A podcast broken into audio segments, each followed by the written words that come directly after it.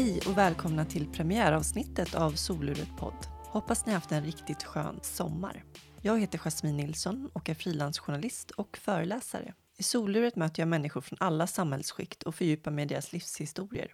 Intervjuerna spelas in i Dieselverkstan i Sickla i Stockholm och görs i samarbete med det internationella hjälpmedelsföretaget Invacare.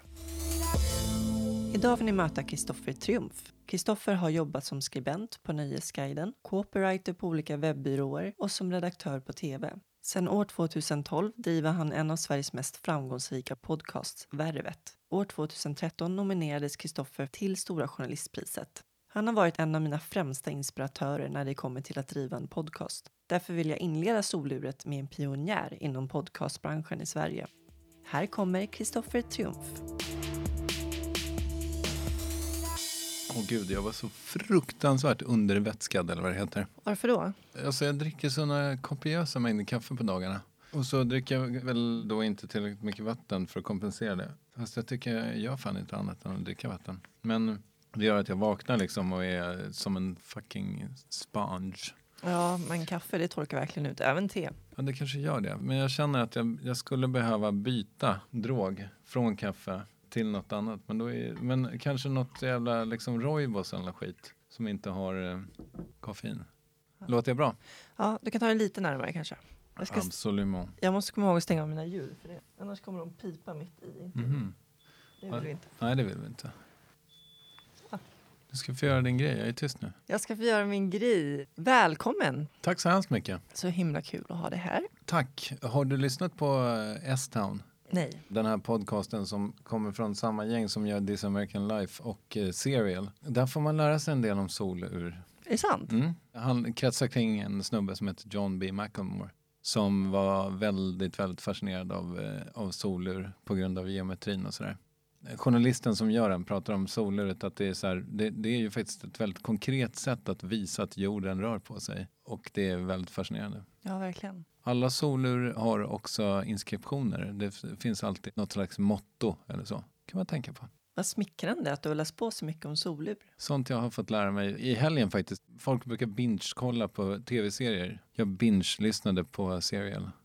Du bor numera på Kungsholmen. Det stämmer. För innan så bodde du i Vällingby Mm. och det är där du har din berömda ateljé där du Mm. spelar in Värvet. Jag blir så glad när folk säger ateljé och inte studio. Hur känns det att bo på Kungsholmen nu då? Jätte, jättebra. Det är andra eh, vändan som jag bor på Kungsholmen. Okej. Nu bor jag ju sinnessjukt centralt egentligen. Alltså det är ju, man kan ju gå till centralen på typ fem minuter från mig. Jag bodde på Kungsholms strand när jag var 12 år. Mm. Det är fint. Ja, men det är fint. Men det var ändå liksom utsikt över kanalen och sådär. Så det var. Underbart. Mm. Den är fin den här jävla 46 kanalen. kvadrat delade jag med min mor. Själva köksdelen hade jag ett loft. Okej, ja, det, det jag. låter compact living. Ja.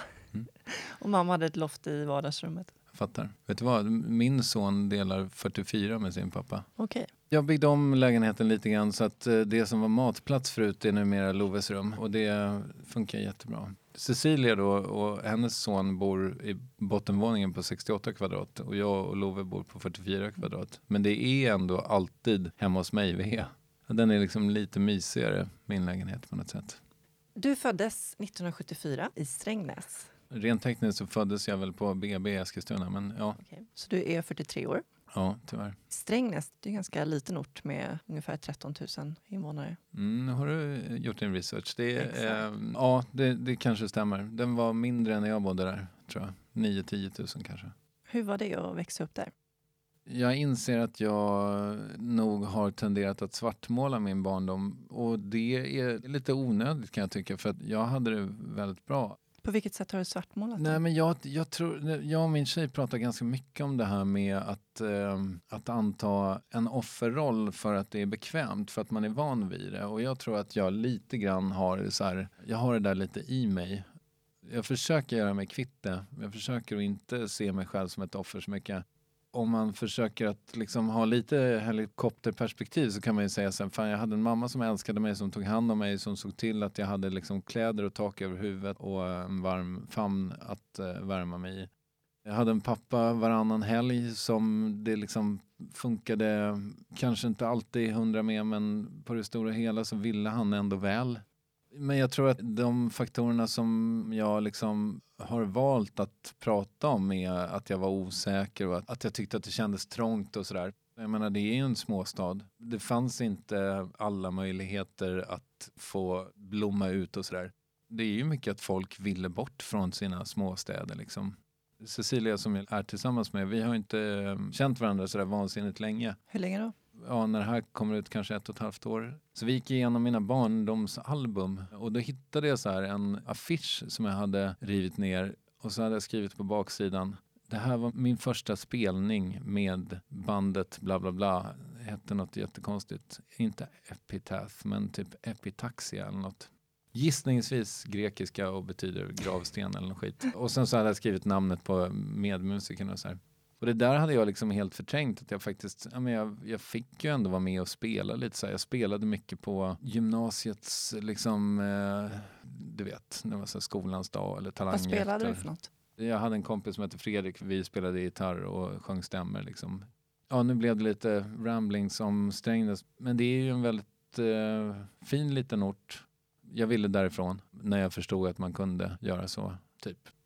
Dina föräldrar, som jag förstått det som, separerade väldigt tidigt. Ja. Direkt efter att du hade fötts, eller? Ja, precis. Om jag har läst på rätt så växte du upp de första sju åren ensam med din mamma och sen träffade hon en ny man. Ja, lite längre tror jag faktiskt. Jag tror jag var nio. Första sju åren så bodde vi i Höghusen i Strängnäs. När man åker dit och kollar så inser man att de kanske är åtta nio våningar höga så att vi snackar inte Empire State Building. Men, eh, men sen så flyttade vi till en villa när jag var sju, 81 då kanske och sen så tror jag att hon träffade Ingemar klock, eh, klockan, klockan 1983.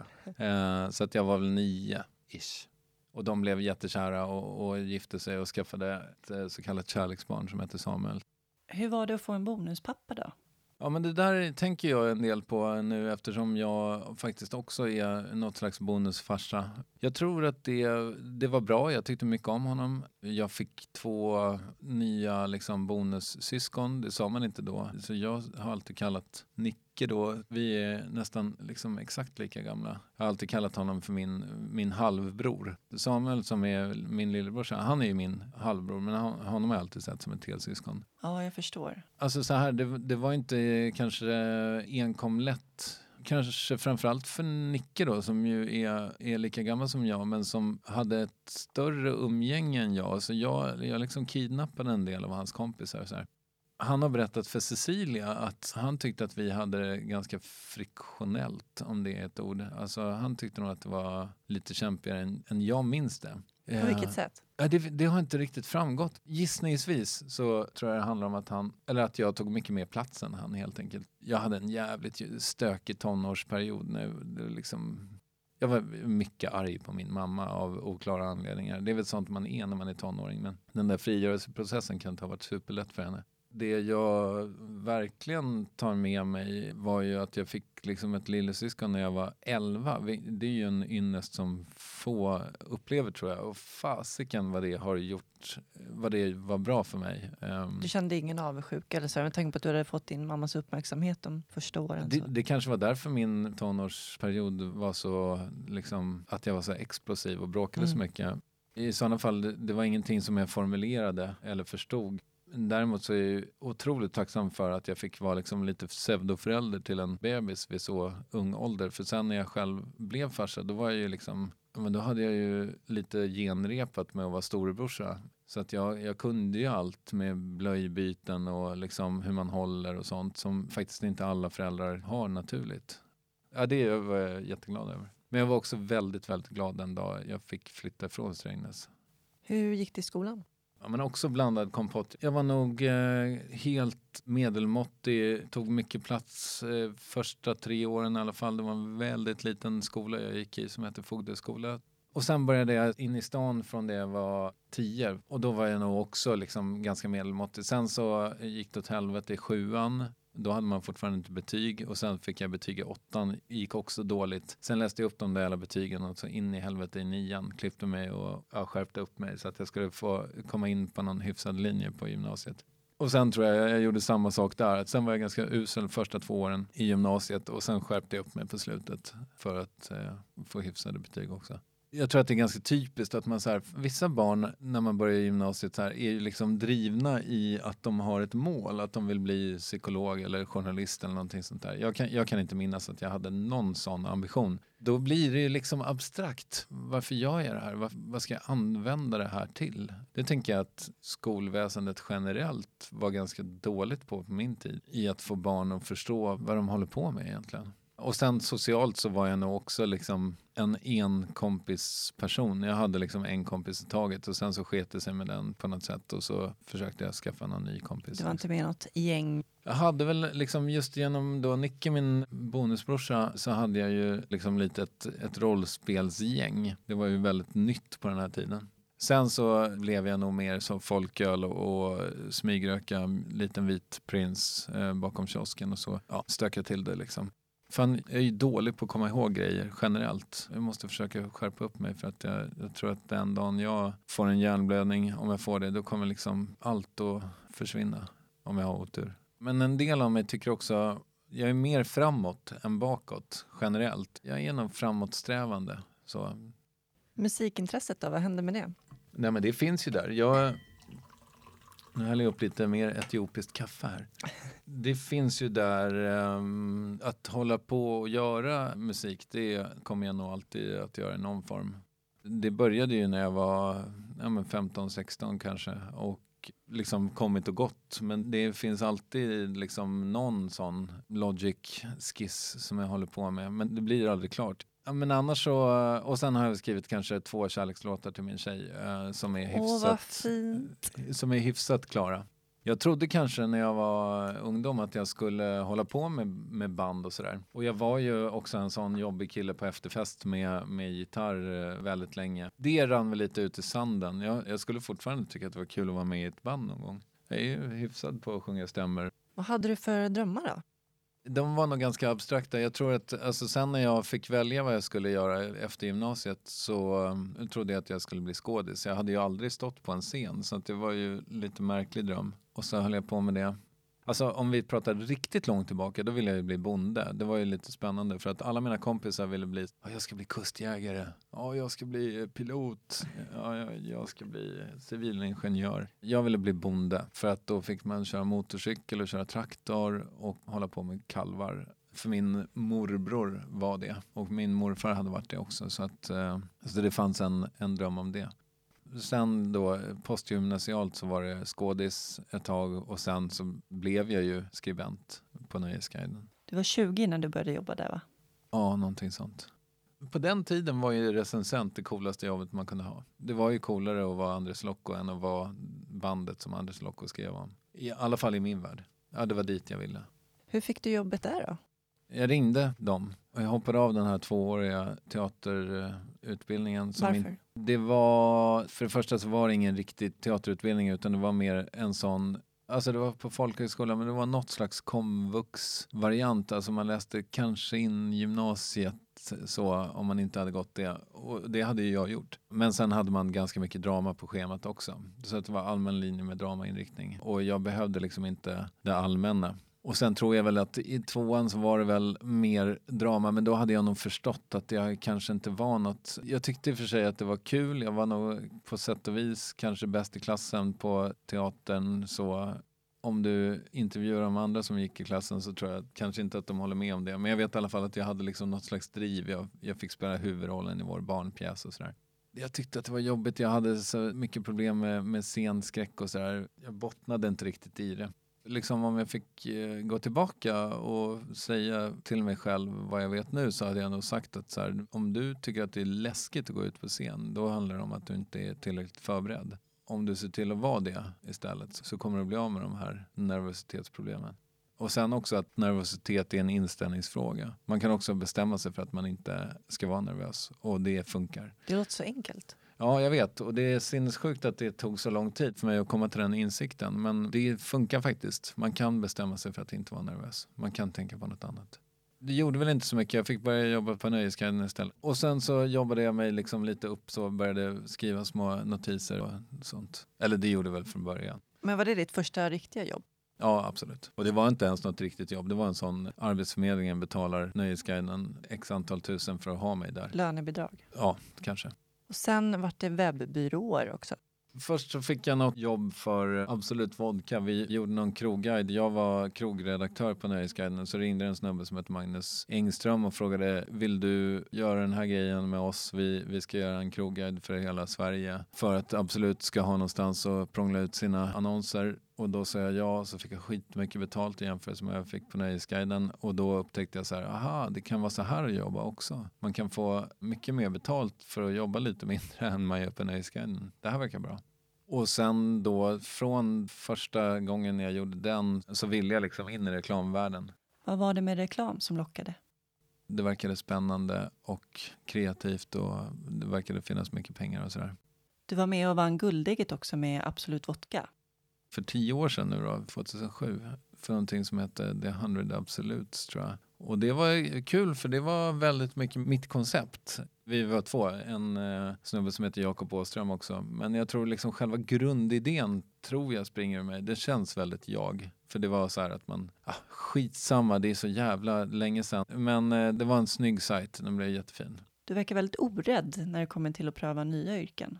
Ja, dumdristig också kanske och, och rastlös. Jag har ju eh, gjort det till en grej att jag ger mig in i en bransch, jobbar mig upp tills jag börjar kunna det och sen släpper jag det. Och sen in i nästa bransch och jobbar mig upp tills jag nästan kan det och så släpper jag det. Liksom, eller till att jag börjar bli någon i det fältet och sen liksom, då ska jag göra någonting annat.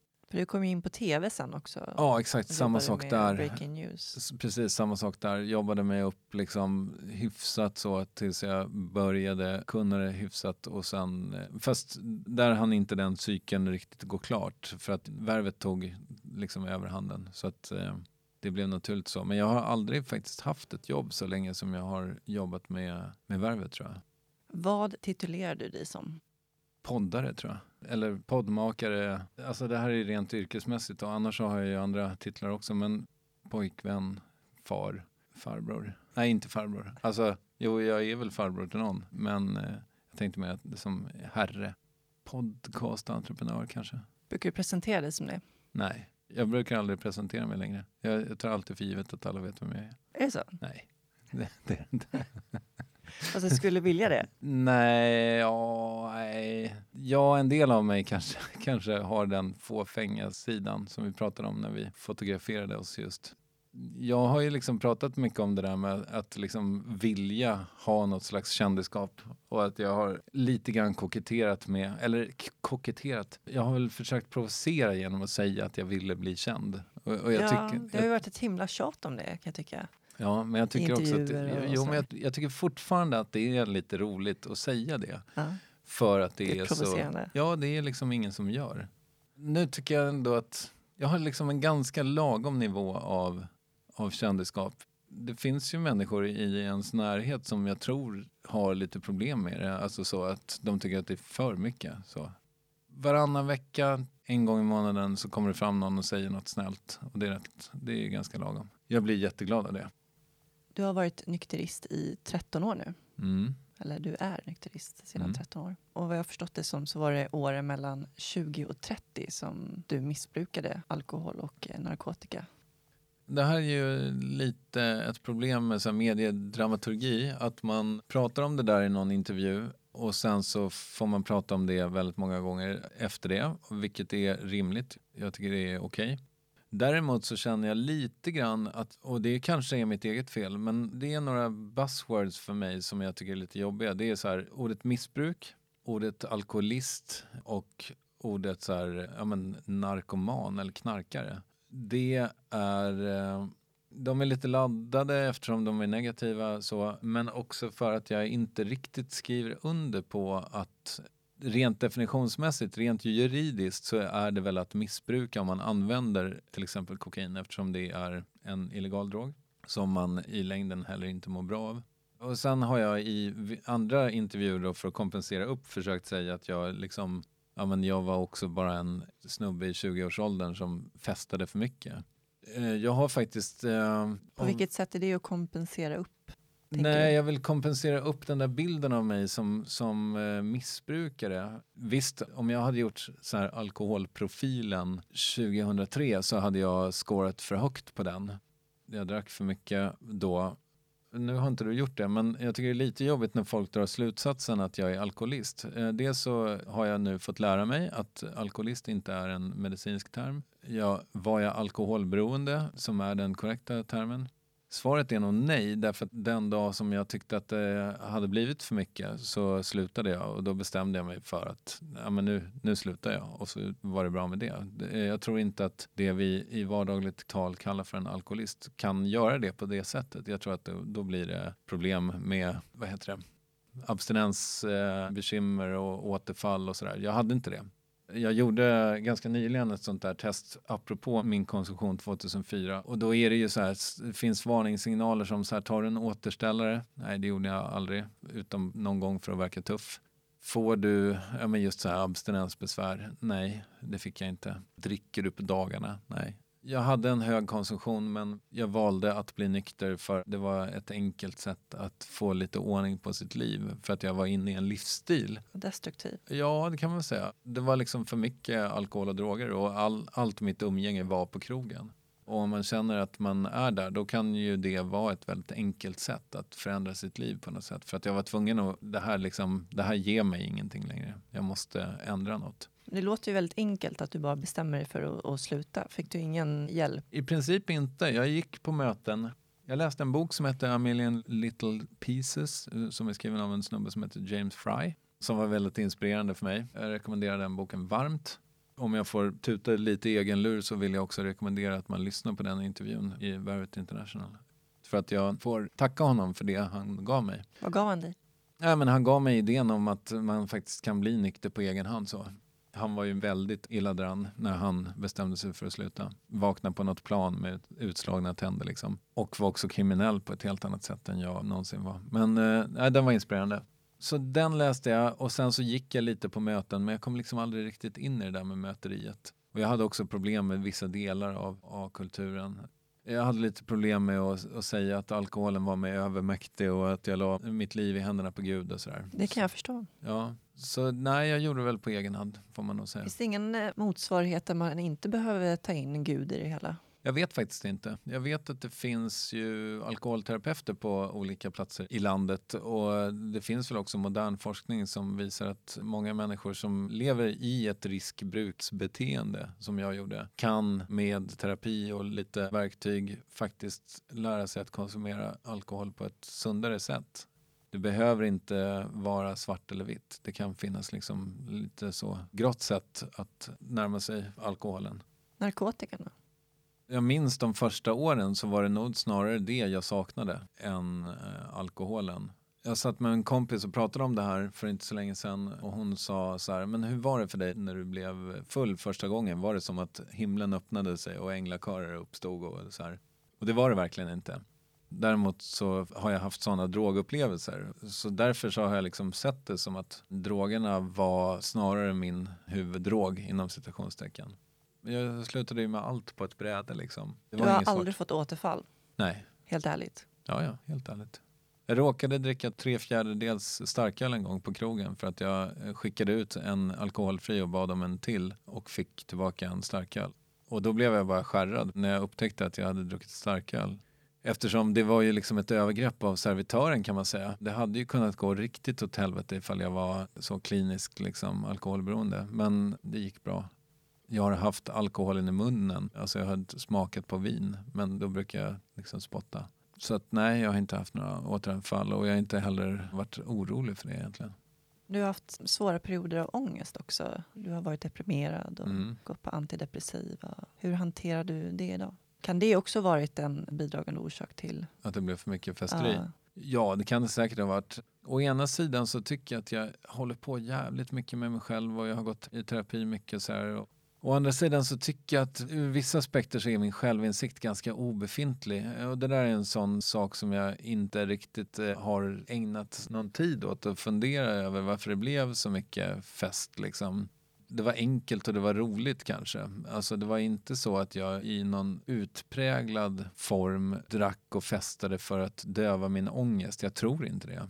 Om man eh, dövar sin ångest med alkohol i tio år, då tror jag kanske att det blir svårare att sluta. Även som nykter så kan man ju uppenbarligen ha ångest och komma in i depressioner.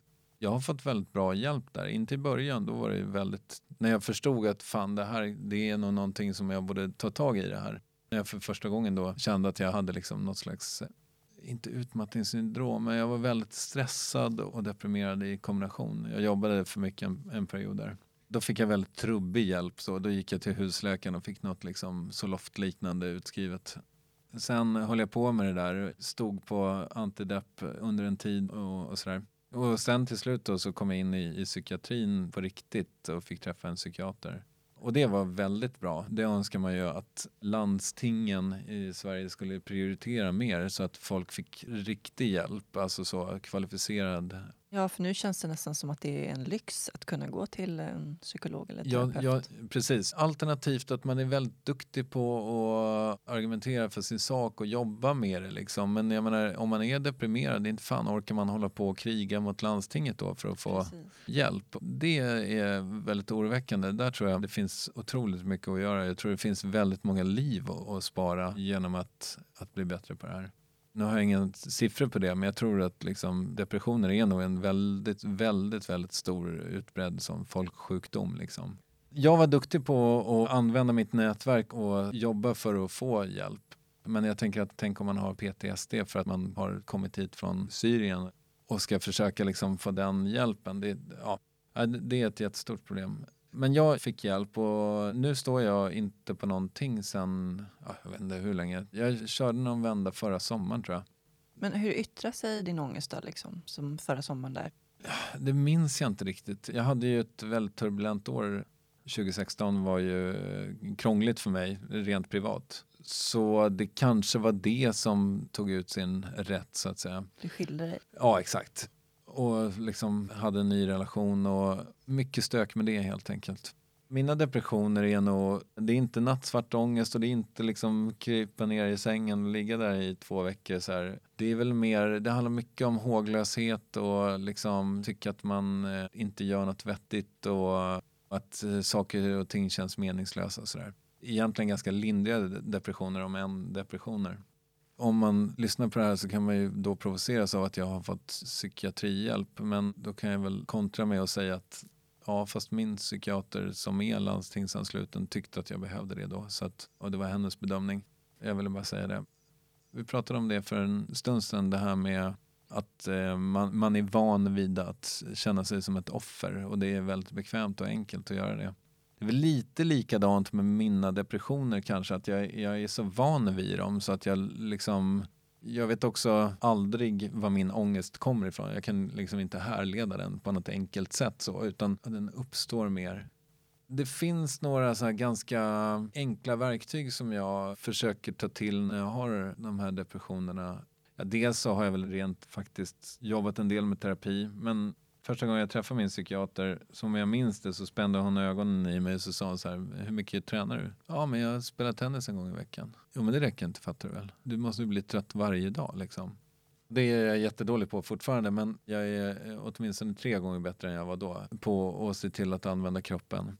Det där funkar väldigt bra för mig. Sen är ju rutiner en annan sak och, och som frilansare då i mediebranschen, det kommer du nu erfara tror jag, att det är otroligt svårt att ha en balans. Och det här är också ett sånt jävla lyxproblem som folk kan provoceras av att jag pratar om. För att så här är det ju, att människor, du vet den här klassiska, så här, man måste ha någon att älska, något att göra och något att se fram emot som frilansare eh, har man förhoppningsvis någon att älska. Eh, men något att göra, den är skitknepig för en frilansare. Därför att jag behöver inte vara på ett kontor någonsin nästan. Jag behöver, vara, jag behöver göra mina intervjuer någonstans. Oftast så gör jag dem i ateljén och det är två timmar i veckan i snitt. Resten av tiden så kan jag bara flyta runt. Det är faktiskt inte bra. Det mår ingen människa bra av att inte känna sig behövd. Alltså jag tänker på författare, de är ju väldigt noga med att de går upp en viss tid på morgonen, sätter sig framför datorn. Liksom. Nu tycker jag du låter fördomsfull. Men många gör det. Man måste ha någon slags eh, Rutin. disciplin och Mm. rutin kring det hela. Jag vet inte vem det var. Det är lustigt eftersom jag har dragit det här så jävla många gånger och fortfarande inte orkat kolla upp vem det är som har sagt det. Men, eh, eller som har gjort det. Men det, jag har hört någon gång om någon sån gammal författare, typ Dostojevskij, som jobbade hemma men som ändå varje morgon gick upp tog på sig eh, hatten och eh, rocken och eh, den lilla käppen som man kanske inte tar på sig men som man ändå sätter i handen. Och så gick han runt kvarteret och så gick han hem och då började han skriva för att då kändes det som att han gick till jobbet. Har du några speciella rutiner då? Nej, men jag försöker det, att eh, gå och göra min... Eh, för att eh, min rygg är ju såklart eh, krånglig eftersom jag har suttit på kontor i halva livet. Så måste jag träna för att hålla den i schack och då gör jag det vid en viss tid, eh, ett visst antal gånger i veckan. Och sen eh, så försöker jag göra mina intervjuer och mina korrlyssningar liksom enligt schema så. Men det går väl sisådär. Men sen är det ju så här, jag menar, en stor del av en frilansares problem är just det här med att, att hålla kalendern i schack. Och jag lägger ner ganska mycket energi på att ändå försöka liksom portionera ut saker och ting så att det inte ska bli så jävla arytmiskt. Jag försöker jobba med rutiner så gott det går, men eh, jag är ganska usel på det. Det är också en inställningsfråga egentligen. Fan, jag kan ju också bara försöka njuta av det faktum att jag är så fri. Men det, ja, det har inte varit helt, helt enkelt. Nej, jag förstår det. Får se hur det blir för mig. Mm. Jag kommer på några bra rutiner. Men jag tror att det är viktigt att man går upp en viss tid på morgonen och försöker komma igång i alla fall och sen se vart dagen leder. Jag tror liksom det där är någonting som fler och fler människor kommer ha nytta av att vara duktiga på därför att det går ju mot mindre och mindre anställningstrygghet och mer och mer ett frilanssamhälle. Arbetsgivare tycker det är härligare att jobba med så här bemanningsföretag än faktiska anställda och så. Så det tror jag kommer vara en rätt viktig kompetens att ha i framtiden för att folk ska må bra. Du, vi måste snacka lite om Värvet också. Ja, 2012 släpptes det första avsnittet stämmer. och nu närmar det sig 300 avsnitt. Jag tror att när vi släpper det här avsnittet så är det uppe i drygt 290 Ja, det, din matte kan säkert stämma. och 60 miljoner nedladdningar. Ja, lite mer faktiskt. Jag, räknade, jag, jag blev eh, kontaktad av en BBC-journalist här så då var jag tvungen att... Fick jag det sagt? Eh, så då var jag tvungen att räkna lite på hur många downloads det faktiskt har blivit och det är väl någonstans mellan 65 och, och när det här går ut i augusti så är det nog snarare 70. Men, Det är ju en hisnande siffra. Mhm. det är som jag. att alla i Sverige skulle ha lyssnat på Värvet en och en halv gång Ja. eller något. Hur har den blivit så framgångsrik? Nej, vänta, tio, ja, tio gånger? Ja, jag är jättedålig på matte, hör jag nu. Sex gånger. Alla i hela Sverige har lyssnat Ja. på Värvet sex gånger. Ja, du, varför har det blivit så framgångsrikt? Jag tror att jag är duktig. Jag måste ändå framhålla det. Jag har en tendens att prata om att jag har haft tur, vilket jag förvisso kanske har. Men jag provoceras alltid av när, när människor som det har gått bra för pratar om tur. Varför provoceras jag av det undrar du? Nej, men för att jag tänker att det är ju alltid, det är ju alltid drivna människor Jag som säger det. säga det. Det är väl din drivkraft som har skapat Värvet. Det är väl inte tur som har gjort det. Nej, men däremot så kan man väl tycka att jag då kanske hade lite tur med tajmingen. Och det tror jag att jag hade. Eh, eller värvet skulle ju egentligen ha börjat tidigare för jag hade idén länge och jag gjorde första intervjun, något slags pilot med Lotta Lundgren i juni 2011. Så att det tog ju ändå ett eh, drygt halvår innan, innan det faktiskt kom ut. Det var ju ett väldigt nytt fenomen då. Ja, det var ju det. Ja, precis. Och det var väl därför också som det gick bra tidigt. Jag fick bra gäster, de pratade smart och det fanns inte så jävla mycket annat att lyssna på. Det fanns typ Filip och Fredrik och Hanna och Amanda. Alltså om man, om man googlar scen på bollen och, och värvet så känns det som att det ger väldigt många träffar. För det är ganska många som så här upptäcker fortfarande, alltså som inte har varit med så länge. Men då- jag menar, om man kommer in nu, då finns det ju 300-ish intervjuer att välja mellan. Om man dessutom räknar Värvet International så är det ju ännu mer. Så det är väl också en framgångsfaktor att de flesta, det är såklart inte sant, men många av våra mer kända svenskar har ju varit hos mig. Ja, kanske fan de flesta. Jag hörde någon gång en siffra om att antalet kändisar på Island är samma som i Brasilien eller USA. Alltså det vill säga, det, det finns bara så många människor som ett folk kan hålla i kollektivt minne. Men du ville nischa in dig på människors värv. Men varför just eh, kändisar? Mm, Ja, men för uh, det märker jag också i uh, antalet downloads. För jag har fått liksom frågan väldigt många gånger, så här, kan du inte börja göra värvet med, med vanliga människor, alltså okända människor som har ett intressant liv? Och det skulle jag kanske kunna göra. Det har gjorts. Jag har, gjort, eh, jag har ju sålt uh, intervjuer till Musikhjälpens liksom, favör och då har det ju kommit dit människor som inte är så kallade kändisar. Men jag märker också i nedladdningen att, att jag kan inte hjälpa Även om visst, det är folk som lyssnar på de värven med människor som ingen vet vem det är också. Men jag kan liksom inte jag kan inte göra någon känd därför att folk tenderar att lyssna på de avsnitt där de känner till gästen sedan tidigare. Om jag skulle fokusera på människor som inte hade någon form av kändisskap så hade jag inte haft lika många lyssningar. Så är det. Så att det är helt enkelt till, vad heter det, utbud och efterfrågan, klassisk liksom, eh, kapitalism som ligger bakom det. Och det är väl inte hela sanningen. Jag menar, jag skulle kunna varva mera så tror jag att det kommer bli i framtiden också att jag kommer förr eller senare behöva göra liksom mer nischade gäster som, liksom, som är kända inom sitt fält så att säga. Jag misstänker att det kommer bli så därför att de så vanliga kändisarna inom citationstecken börjar ju ta slut eller kommer vid någon punkt att göra det. Det, är också det därför... kommer ju nya hela tiden också. Jo, det gör det förvisso, men det kommer inte en ny liksom, Ernst Kirchsteiger i veckan. Så är det ju. Men det är därför det är så smart av mig att ha lanserat Revervet också, där jag faktiskt eh, gör nya intervjuer med gamla gäster. På så sätt så förlänger jag ju liksom värvets livslängd. Men jag menar, du intervjuar ju inte bara kändisar för att de är kändisar. Vad är, liksom, vad är signifikant för en värvetvärdig gäst? Jag får den eh, frågan i olika former ganska ofta. Så här, hur väljer du vilka gäster mm. du har? Ganska sällsynt att eh, kungen ringer och frågar ifall han får vara med. Men det har i alla fall inte hänt hittills. Men du är välkommen. Carl Gustav heter han väl? Ja. ja. Eh, ja. Eh, han heter liksom bara kungen. Jag var tvungen att tänka efter. Men det finns människor som jobbar med de här människorna som vill ha dit dem. Absolut. Det som är genomgående är ju så här, är jag eller kan jag bli intresserad av dem? Kan jag hitta eh, en nyfikenhet? Och svaret är ju nästan alltid ja förvisso. Men sen, har det ju, eh, sen kommer det in andra faktorer också.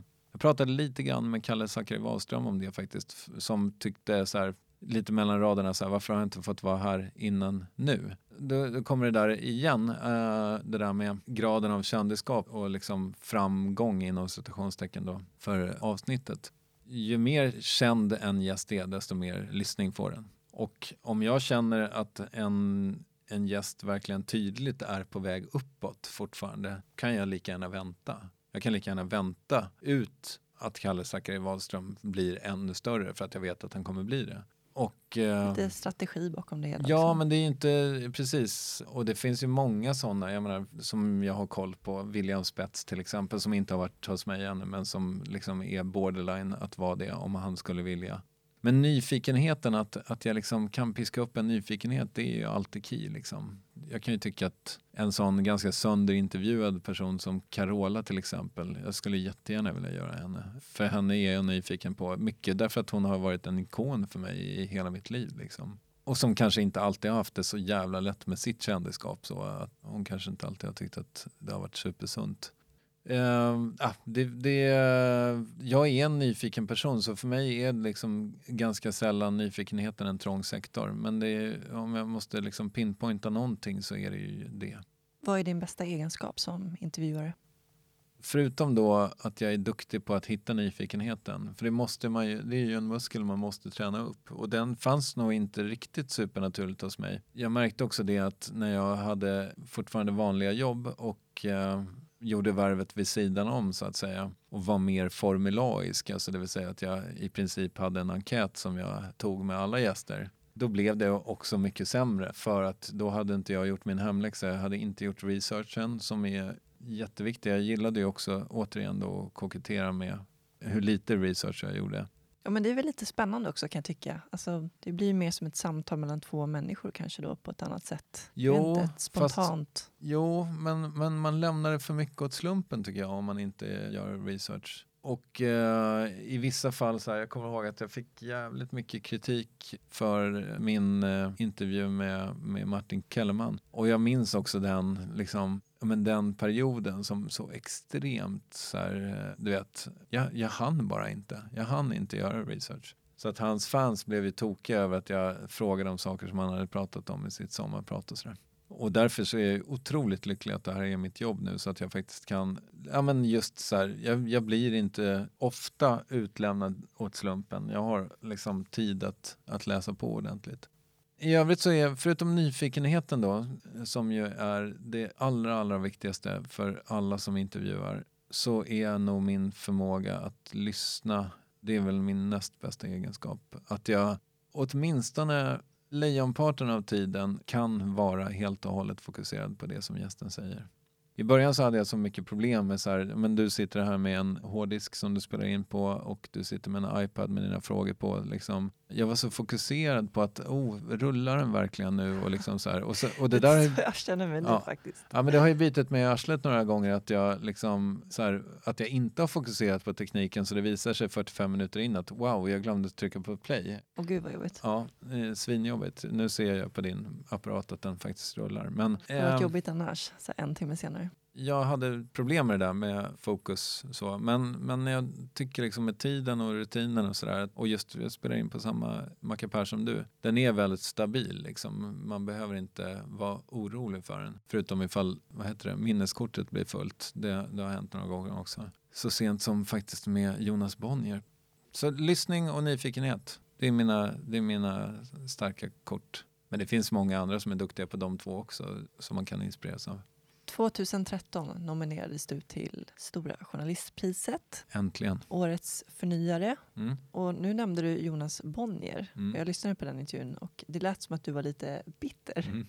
över att du inte vann det året. Ja, jag tror att hon heter Lisa Irenius eh, Exakt. och jobbade på eh, Uppsala Nya Tidning. Jag tycker fortfarande att det var en sinnessjuk sinnessjukt dålig vinnare faktiskt. Alltså inte, hon är säkert fantastisk. Men den här grejen som hon vann för, att man kunde så här, låna recensentens exemplar av boken som man läser. Det, är- Som e-bok typ. Ja, Eller, så ja. kanske det var. Det, alltså, det är så smalt och så dumt så att jag, jag, blir, jag får lite kryllningar i hela kroppen. Men jag har hört inifrån juryn att eh, om inte jag hade förlorat, alltså om jag hade vunnit, jag var ju liksom favorittippad. Om jag hade vunnit så hade inga tjejer, ingen enskild kvinna hade fått pris det året.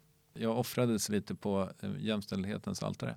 Vilket jag tycker är fine, det är ett rimligt skäl. Men jag var lite bitter, jag var ju också kaxig som fan under den där perioden. Jag, jag, var, jag fick lite liksom, ja men lite hybris där. Men ah, jag tycker det är fine att jag inte vann. Det hade varit mäktigt men jag tror att andra priset är snyggare än själva vinsten. Då, då får man cash och ett diplom. Jag har någon sån liksom, liten plakett som står framme i ateljén så att, eh, det är helt okej. Det, det var roligt att jag till Jonas Bonnier så här, ja men Ja, så du var med i juryn när jag inte vann? Eh, ja, det var jag. Eller jag var ordförande. Ja, ja, nej men eh, kommer du ihåg vem som vann? Nej, nej just det. Mm. Ja, det var kaxigt faktiskt. Mm, Men det var ju liksom in, inte minnesvärt. Det hade varit mer minnesvärt ifall Värvet hade vunnit. Kanske. För mig i alla fall. Personligen. Men det är stort att bli nominerad också. Exakt, det är så man ska se det. Och jag gör nog det också. Jag tycker också att det passar min, min story bättre att jag inte vann. Man måste få vara lite underdog. Du frågar ju andra människor om deras liv. Hur känns det att själv sitta och prata om ditt liv? Jag tycker det känns bra. Ju mer liksom nutid också, desto bättre. Jag är inte obekväm med att prata om min barndom eller min bakgrund, så här, men jag tycker inte att den är så spännande. Men att prata om nuet eller framåt, eller liksom så, det, det eh, tycker jag är jättehärligt. Och jag tycker också att, att bli intervjuad, nu har jag blivit det, I don't know, 200 gånger, så att jag börjar liksom få rutin på det också. Jag lär mig saker kanske om intervjuer av att ge såväl som att ta.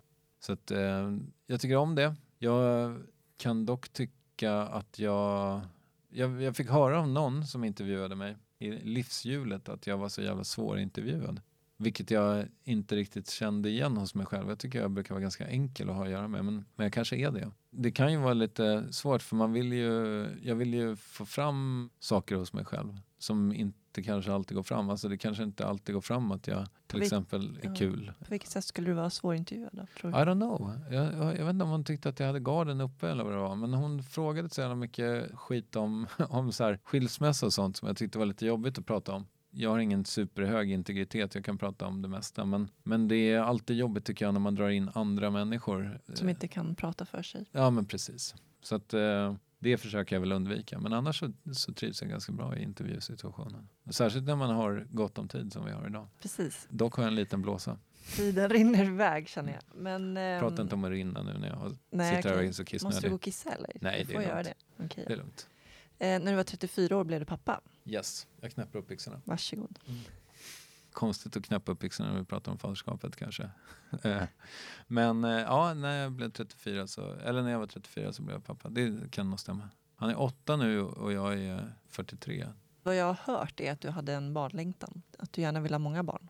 Ja, det var nog målbilden när jag växte upp i alla fall. Att jag skulle ha någon sån liksom, Stellan Skarsgård-tillvaro där det bara kryllade av ungar som man kunde liksom ställa upp i elva manna fotboll med mig som målvakt och så alla ungar ute på plan. Det hade varit kul. Det verkar väl eh, som att det krymper med, med ljusets hastighet men eh, nu har jag ju faktiskt fått en bonuskille till så att det är härligt. De tycker väldigt mycket om varandra också. Vad är det bästa med att vara pappa? Ja du, det är ju otroligt givande tycker jag. Alltså det bästa med att vara pappa är väl att jag får träffa den här ungen så mycket som jag får. Och han är så jävla härlig. Just eftersom jag, jag välkomnade verkligen faderskapet och jag tyckte liksom, jag hade som sagt längtat efter det. Så för mig så var det så genom, liksom, det var en så jäkla stor förändring. Inte, ja, förändring liksom. Det var, det var en, eh, för mig blev det väldigt mycket en dimension till. Och jag ville nog också att det skulle få ta över mig ganska mycket.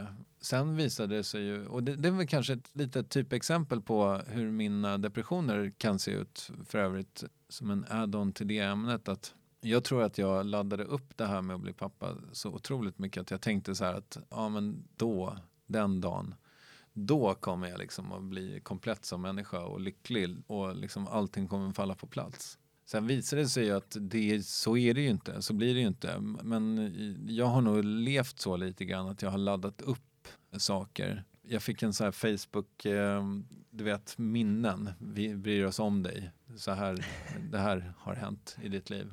Och så fick jag någon sån, så här, jag hade tagit en bild och så skrev jag så här life goal check. Och det var när jag fick vara längst ner i den här vi fem-spalten i Aftonbladet jag trodde nog liksom just det här med att bli lite mer känd som jag har pratat om då idag till exempel. Det trodde jag också skulle göra mig lyckligare. Och sen så visar det sig att man har ju med sig sig själv i alla fall. Även om man blir pappa eller får vara med i Vi fem-spalten eller eh, liksom ha en talkshow på Kulturhuset eller träffa statsministern eller bli kär. Liksom. Så ja, det är jättehärliga grejer alltihop men det blir inte nirvana av det hela. Så att eh, liksom något eller två år in i, i liksom att vara pappa så, så här, ja fan, han är helt underbar och det är fantastiskt att ha honom i sitt liv. Men det löste inte alla mina problem. Jag har fortfarande liksom grubblerier kring vad fan jag ska göra med livet och sådär. Ja, var det svar på frågan? Absolut. Jävla långt svar i alla fall. Det här gör inte saker bättre. Nej, du får gå på två nu. Let's go. Vad innebär det för dig att vara människa? Jag kanske ska kissa ändå. Jag gör det. Det var en jävla stor fråga. Är det okej okay, eller? Ja, du måste ner. Du Nu tar vi en kort paus för jag tänkte ringa upp min samarbetspartner Invacare. Invacare Joakim. Tjenare Joakim, det är Jasmin här från Soluret. Hejsan hejsan Jasmin. Hur är läget med dig? Hur har sommaren varit? Det är bra med mig. Sommaren har varit eh, god, lite kort, men eh, överlag väldigt bra. Skönt. Kan du berätta lite om vad ni gör för någonting på Invacare? Ja, ja men vi på Invacare vi säljer och tillverkar ju hjälpmedel för personer med funktionsnedsättningar. Vi har ju hjälpmedel allt från sängar, gånghjälpmedel, rullstolar, elektriska rullstolar, hygienhjälpmedel egentligen nästan det mesta som man kan tänkas behöva för att klara sig så självständigt som man bara kan oavsett om man bor hemma eller på ett eh, boende av något slag. Vad gör du för någonting på Invacare? Jag är produktchef för manuella rullstolar och med det då ansvaret för alla våra manuella rullstolar. Och om man vill komma i kontakt med er, vart vänder man sig då? Enklaste och smidigaste sättet kan ju vara att eh, ringa till vår kundservice. Sen har vi också representanter runt om i hela Sverige som är alla är produktspecialister.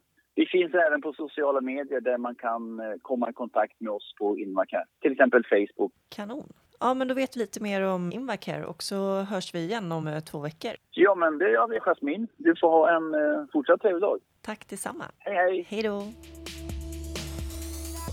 Hur skönt var det? Nykissad och klar så ska jag svara på frågan vad det är att vara människa. Jo, jag tänker så här att... Eh, Har du sprungit upp för trapporna? Ja. I sin enklaste eh, form så är ju svaret att eh, det handlar ju liksom om att eh, helt enkelt tillhöra arten människa, Homo sapiens. Men eh, om man skruvar frågan lite så här, vad innebär det att leva eller vad har man för förpliktelser som människa? Och där tänker jag mig väl att eh, det handlar väl om att försöka göra så mycket jag skulle säga att göra så mycket gott som möjligt. Då menar inte jag att man måste vara liksom eh, Moder Teresa och eh, ägna sitt liv åt att förbättra världen. Men däremot att man, i alla fall så vill jag se det som att jag har som skyldighet att försöka vara så lycklig som möjligt och, och ge, min, ge de människorna omkring mig så mycket lycka som möjligt och glädje och sådär. Och det där är lite intressant därför att jag har i vissa aspekter varit ganska duktig på att ta ansvar för mitt liv. Alltså det vill säga, jag startade Värvet därför att jag tyckte liksom att jag behövde jag behövde någonting som bara var mitt och sådär som jag har pratat om förut men liksom som på något sätt kunde utveckla mig och så såg jag till att göra det och det finns flera exempel på så här professionella saker där jag har tagit ansvar och sett till att saker blir av liksom. Men sen finns det saker i mitt privatliv. Liksom, vi pratade lite grann om att, att hänfalla åt offerrollen, tycka synd om sig själv, att känna att det är andra människors fel, hur jag mår. Där har jag fortfarande vid 43 års ålder otroligt mycket kvar att lära. Jag och min tjej håller på att läsa, eller hon har läst ut den, jag, är liksom lite, jag ligger lite efter, men en, vi håller på med en bok som heter Solve for Happy som är otroligt intressant. Googla den. Men den handlar jättemycket om det här med så här, vad, vad är det som gör dig lycklig? Va, eller vad är det som står emellan dig och lycka? Och att människan i grunden, så här, ett spädbarn, är när man har tillgodosett de här, liksom, vad heter hans, Maslows trappa med grund, så här, tak över huvudet, mat i magen. När de där grejerna är tillgodosedda så är ett barn lyckligt.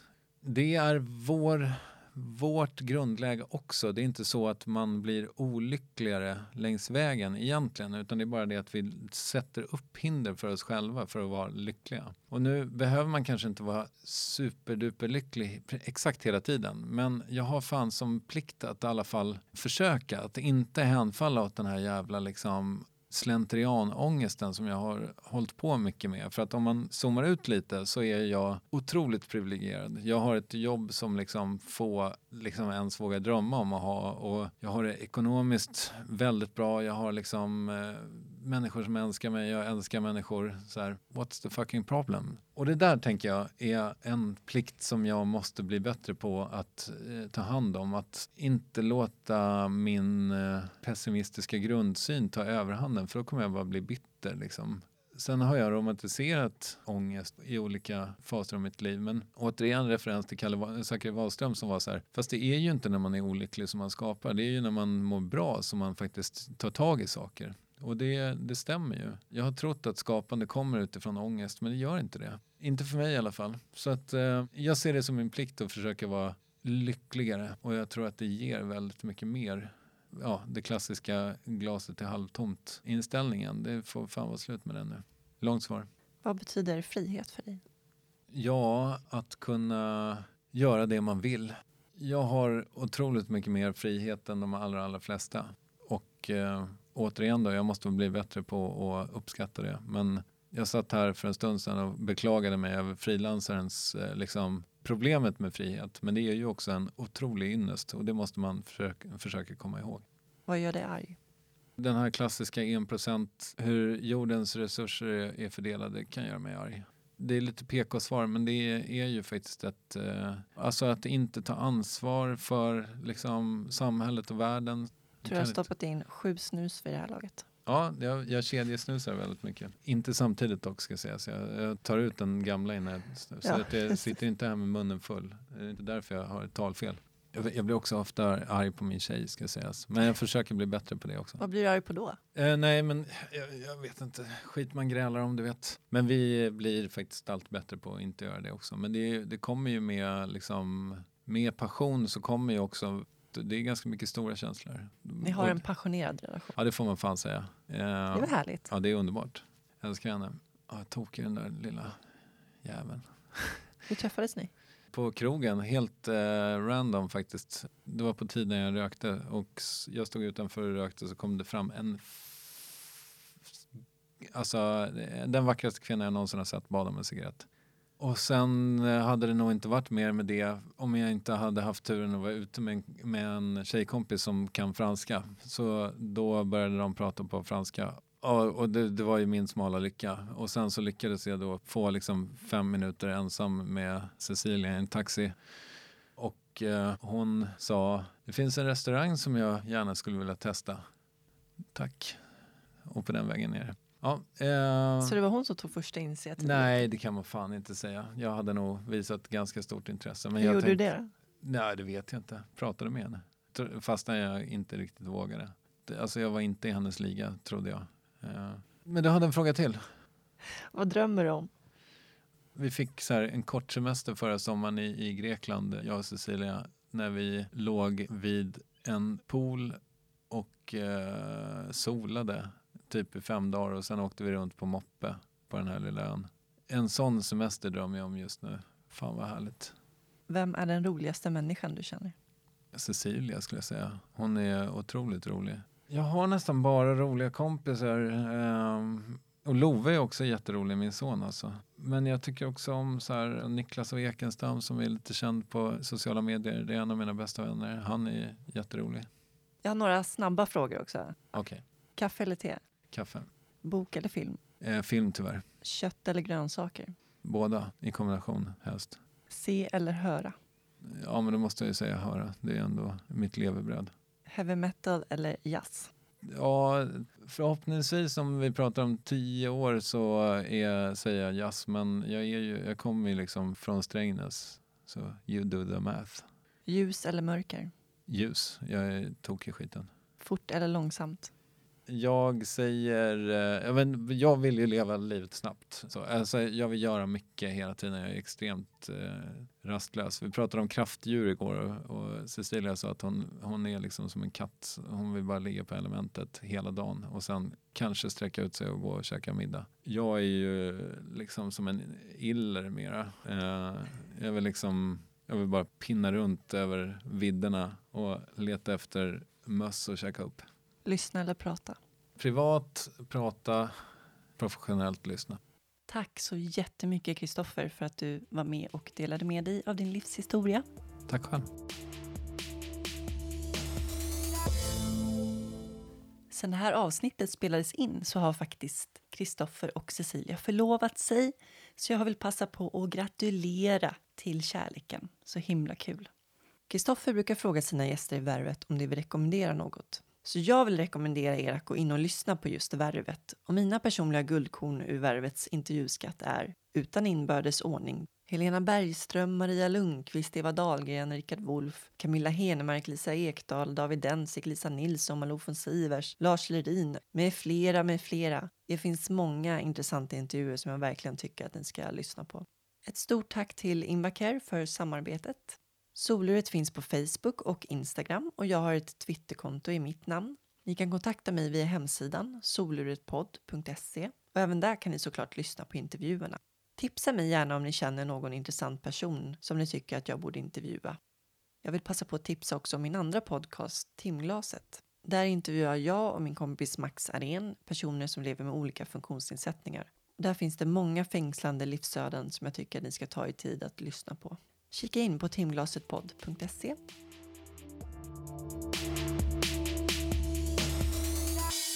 I nästa avsnitt får ni möta Odette Moniansanga. Under några år jobbade hon som rådgivare åt FN i Uganda där hon bland annat hjälpte flyktingar. Men så en dag blev Odette brutalt gripen, försågs med ögonbindel och handfängsel och fördes bort utan en aning om vilket öde som väntade henne, eller varför. Förhör, tortyr och flykt och det blev tvingad att lämna sitt liv i Uganda bakom sig och flydde till Sverige. Hon jobbar sedan 11 år tillbaka som personlig assistent åt mig och är en av de mest betydelsefulla människorna i mitt liv. Avsnittet publiceras om två veckor, söndag den 20 augusti. Med tanke på dagens gäst och er lyssnare vill jag avsluta med ett citat av Ernest Hemingway. Jag gillar att lyssna. Jag har lärt mig mycket genom att lyssna uppmärksamt. De flesta människor lyssnar aldrig. Tack för att ni lyssnade. Ta hand om varandra. Hej då!